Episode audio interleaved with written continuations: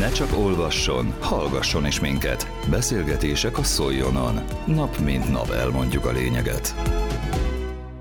Már nem kell sokat várni, hogy megnyissák a szolnoki temető úti bölcsöde kapuját. A másfél évvel ezelőtt elkezdődött beruházás ütemtervei az utolsó fázisban tartanak. A helyszínen tartott sajtótájékoztatón bejelentették, szeptember végéig teljes körűen elkészül az intézmény. Köllő Judit hangképes összeállításában Szalai Ferenc szolnoki polgármestert és Molnár Iván önkormányzati képviselőt hallják. Nagyon-nagyon szépnek látszik, és jó minőségűnek látszik, és beszélve a kivitelező úrral, Szikszai úrral, valóban egy nagyon jó minőségű bölcsödéről beszélünk.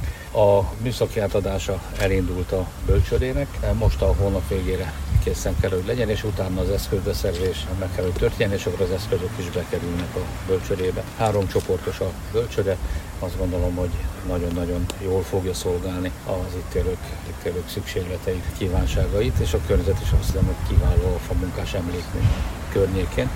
Nagyon szépen köszönjük a kivitelezőnek, köszönjük a város fejlesztési részvénytárságnak és nyilván a fejlesztési igazgatóságnak, mert ez egy pályázat, a pályázat lemenedzselése, aztán a kivitelezés egy nagyon-nagyon komoly dolog, és természetesen a szólak napandra és keresztül a műszaki ellenőrzés megtörtént az épületnél.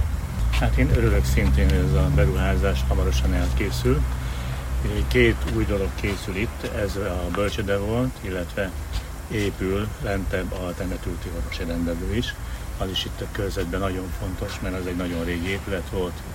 Igazán szükség van egy új, energetikailag modern, minden szempontból orvosilag is megfelelő orvosi rendelőre.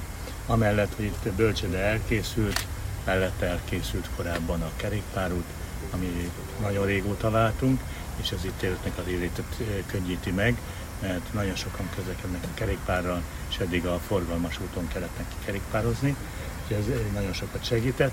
A bölcsödébe hát meg természetesen 36 férőhelyes, itt a környezetben élőknek a munkáját fogja segíteni, mert el tudják a gyerekeket jó helyre helyezni, megfelelő színvonalas oktatásba, illetve ellátásba tudnak részesülni kicsik. Én úgy gondolom, hogy az önkormányzat fölkészült és a szükséges létszámot tudja biztosítani. Azt ugye tudjuk, hogy korábban is volt itt egy bölcsöde, valójában a régi bölcsödét elbontották, és egy bővített új modern bölcsöde épült ide, ami tényleg minden szempontból a 21. századnak a dolgait tudja produkálni.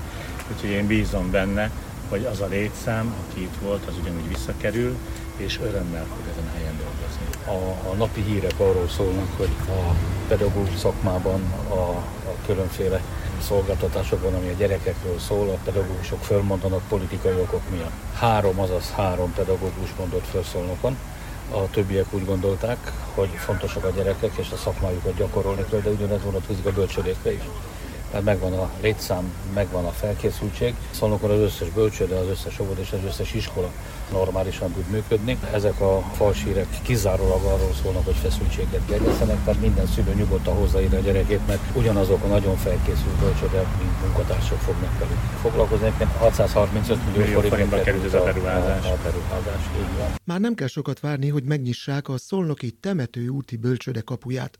Az előző percekben Köllő Judit hangképes összeállítását hallhatták arról, hogy szeptember végéig teljes körűen elkészül a Szolnoki Temető úti intézmény felújítása. Az összeállításban megszólalt Szalai Ferenc Szolnok polgármestere és Molnár Iván önkormányzati képviselő.